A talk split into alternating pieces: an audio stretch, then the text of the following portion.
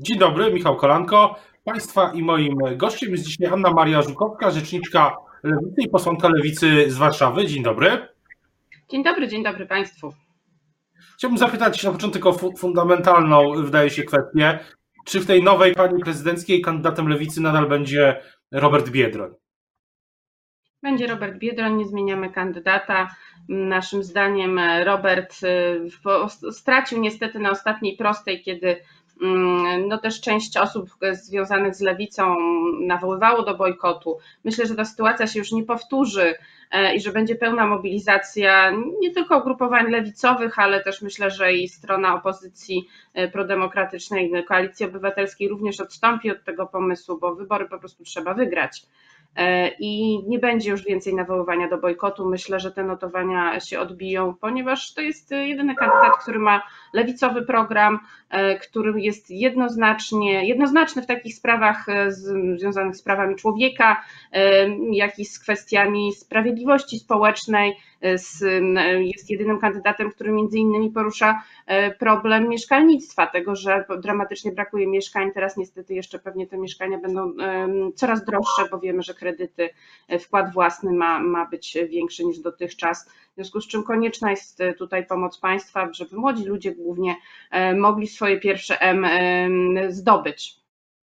Czyli Robert Biedroń. No i teraz pytanie jest drugie fundamentalne. Kiedy Pani zdaniem będą wybory? Bo moim zdaniem opozycja ma pewien szeroko pojęta, szeroko, opozycja senacka zwłaszcza, ma tutaj coś e, do opowiedzenia w tej sprawie poprzez e, długość prac nad ustawą, e, która wczoraj w tym ekspresowym tempie, jak to zauważył poseł Lewicy Krzysztof Śmiszek, pendolino sejmowe wczoraj pędziło bardzo szybko.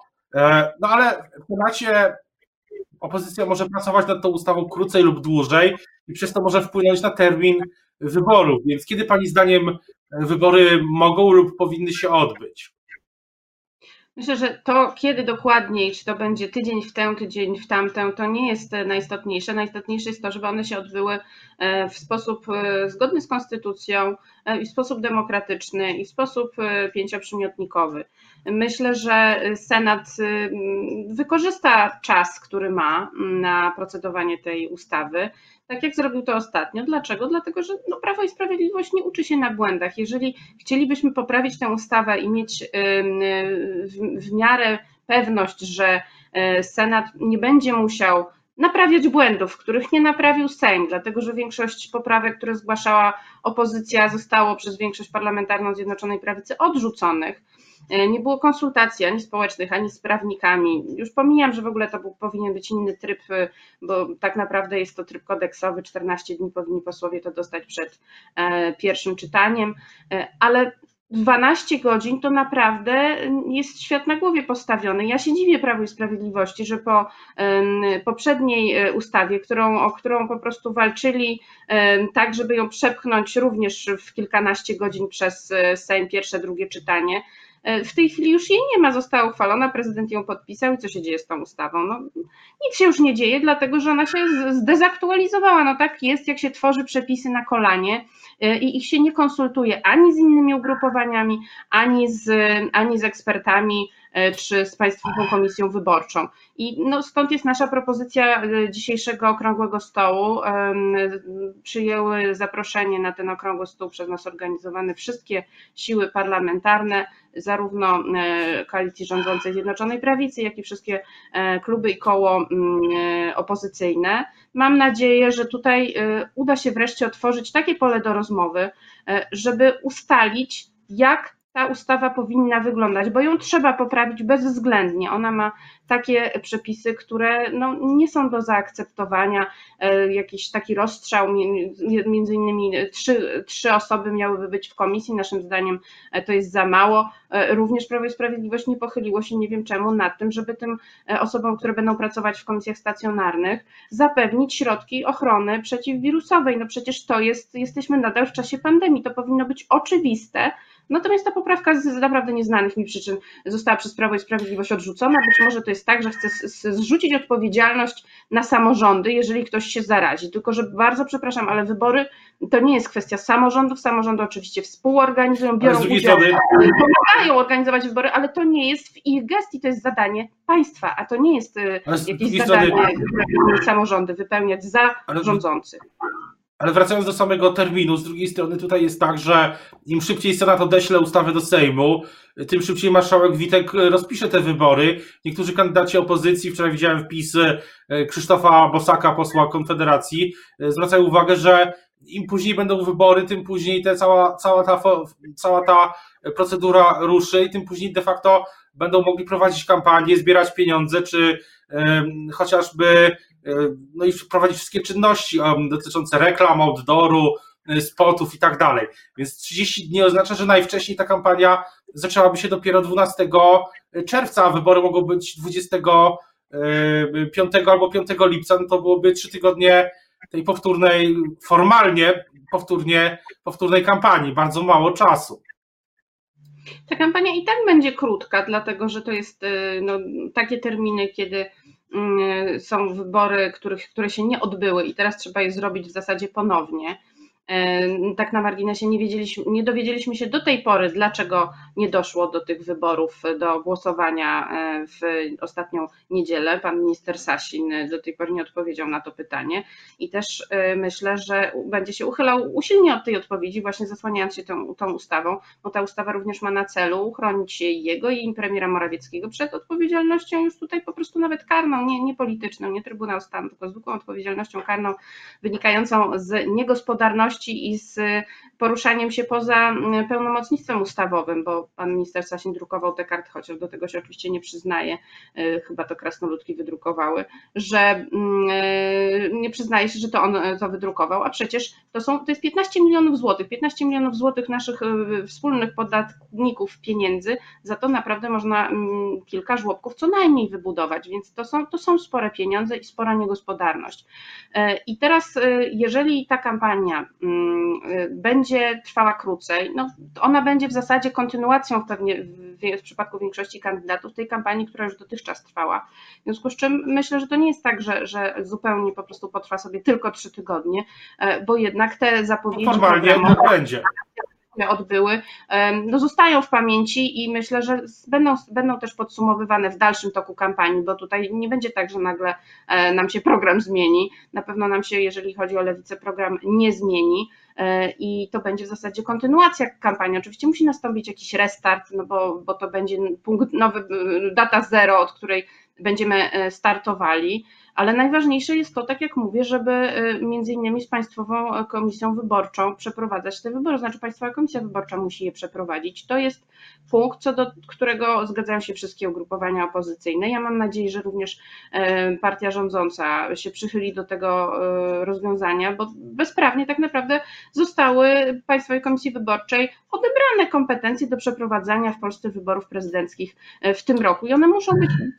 przywrócone. Bez tego w ogóle nie ma, nie ma rozmowy. To znaczy, no to, to, to narażamy się, narazimy się po raz kolejny na śmieszność, tak jak się naraziliśmy już w niedzielę, kiedy naprawdę y, no, ośmieszyliśmy po prostu nasz kraj, bo takiej sytuacji chyba nigdzie na świecie nie było, żeby były wybory, a nie odbyło się głosowanie. Były wybory, a nie było ich wyniku e, i nie wiadomo było, e, czy będzie prezydent, będzie wybrany prezydentem, czy inna osoba, czy będzie druga tura. No to jest po prostu taka sytuacja, w której też nie przewidzieliśmy, nikt tego nie przewidział, bo nikt nie przewidział, że może się zdarzyć tak nieodpowiedzialny rząd, który mm, będzie forsował na siłę przepisy bez uzgodnienia e, tego z opozycją. W każdym kraju, naprawdę demokracji e, zachodniej przynajmniej, raczej to by było zaproszenie do stołu po to, żeby wspólnie dogadać się na temat tego, jak to ma wyglądać. Niestety u nas tak nie jest. Może ten dzisiejszy dzień e, trochę coś zmieni i ten okrągły stół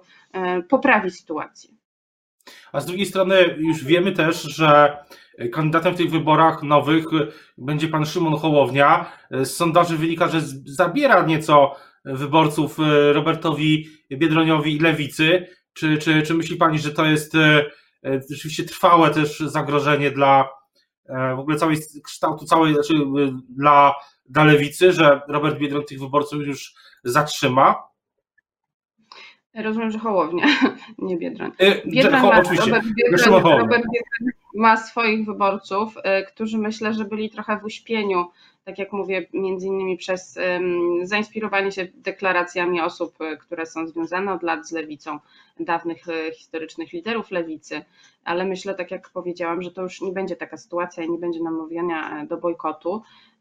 Co wybory prezydenckie w zasadzie pojawia się takie zjawisko, pojawia się, pojawi, pojawiał się mm, Paweł Kukiz, teraz pojawił się Szymon Hołownia. Pytanie, na ile trwałe są takie meteoryty polityczne, bo one rozbłyskują, świecą jasno, ale raczej historycznie patrząc, y, świecą krótko. Nie wiem, ile jeszcze tego paliwa panu e, Hołowni zostanie i ile, mm, ile ma jeszcze propozycji, poza tym, że generalnie w ostatnim, na ostatnim etapie kampanii no, skupił się na takim dosyć historycznym e, komentowaniu rzeczywistości parlamentarnej, w której nie bierze udziału, w związku z czym ma tę komfortową sytuację, że nie musi podejmować żadnych decyzji. Nie jest to jego odpowiedzialnością, nie jest stawiany przed trudnymi e, decyzjami co do poprawek, co do głosowań, w zasadzie nic nie musi, może komentować. Więc to jest na pewno komfortowe e, i jest zawsze spora grupa ludzi, którzy poszukują takiej osoby, która za każdym razem zapowiada, że pogoni te, to, partyjniactwo, że partie są złe.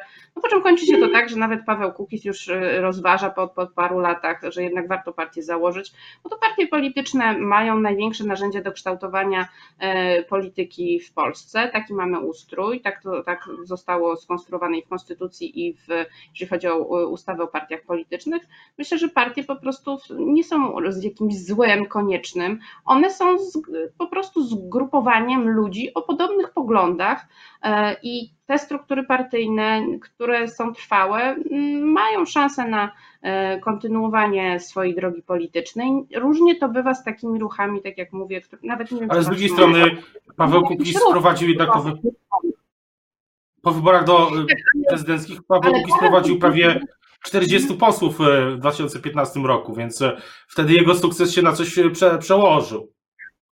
Tak, tylko że e, pan Paweł Kukiz stworzył jeszcze wokół e, swojej osoby ruch, który miał coś na celu. Ja to mm, oceniam akurat e, źle, bo nie zgadzam się z tym e, rozwiązaniem. Czy Chodzi tutaj o jednomandatowe okręgi wyborcze, ale jest spora grupa e, wyborców, e, którzy byli skłonni się za tym rozwiązaniem opowiedzieć i to, była, to był dosyć duży ruch, ten, który miał na celu zorganizowanie referendum i to było trochę coś innego, bo to była jakaś zapowiedź konkretna, i, która skupiała wokół siebie no, dosyć dużą e, rzeszę ludzi. Tutaj, mówiąc szczerze, widzę tych ludzi tylko w internecie, natomiast jak tylko e, tak na marginesie ym, zakończyła się, zakończyła się no, kampania wyborcza, e, czyli e, nastąpiła niedziela, wybory, których nie było, ale formalnie komitet wyborczy nie mógł już zaciągać nowych zobowiązań, to gwałtownie te zasięgi panu Hołowni ze 150 tysięcy, nie, przepraszam, nawet do, do, pół miliona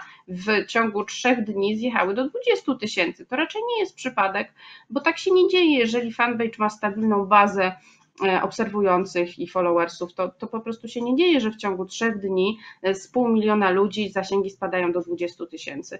Więc mam Myślę, że wrażenie, że się- to sposób, y, finansowo pompowane. I pytanie, czy to, coś jest w internecie, rzeczywiście znajdzie swoje odzwierciedlenie później w głosowaniu, bo dużo było takich formacji, które miały e, fantastyczne sondaże. Potem, jeżeli jednak tr- trzeba było krzyżykiem zakreślić kandydata lub formację, to jednak następowała zmiana e, i było to zupełnie inaczej, czasami nawet o połowę koniec- niżej niż sondaże. Na koniec jednak pytanie jest o ten, e, zobaczymy jak się będzie, jak będzie przebiegała dalsza kampania też pana Szymona Hołowni. Natomiast co do, do jeszcze tego okrągłego stołu, no ale są tacy, którzy mówią, że ten okrągły stół dzisiaj to jest niejako właśnie e, musztarda po obiedzie, bo wczoraj Sejm przyjął tą ustawę, czyli ja rozumiem, że to jest raczej wstęp do rozmowy w Senacie. To jest na pewno wstęp do tego, co, jakie poprawki będziemy wnosić w Senacie e, i do tego, jakie później, bo przecież ta ustawa wróci do Sejmu, jakie ugrupowanie rządzące zgodzi się przyjąć w głosowaniu, bo ma większość później w Sejmie. I bez takiej rozmowy, no to oczywiście możemy się jako opozycja buntować i, i, i, tupać nogami, natomiast bez większości, nie mając większości sejmowej, nie uchwalimy tych przepisów, więc to jest jedyna możliwa opcja. Żałuję oczywiście, że Prawo i Sprawiedliwość nie zgodziło się wczoraj na zarządzenie przerwy do 14, tak żeby można było najpierw odbyć ten okrągły stół, a później głosować w Sejmie tę ustawę. No tak się nie stało ale jest jeszcze szansa, żeby poprawić tę ustawę w Senacie i żeby jednak wydyskutować to w ten sposób, że to, co będzie poprawione w Senacie, to w takim kształcie również później zostanie przyjęte przez Sejm i później trafi do podpisu prezydenta.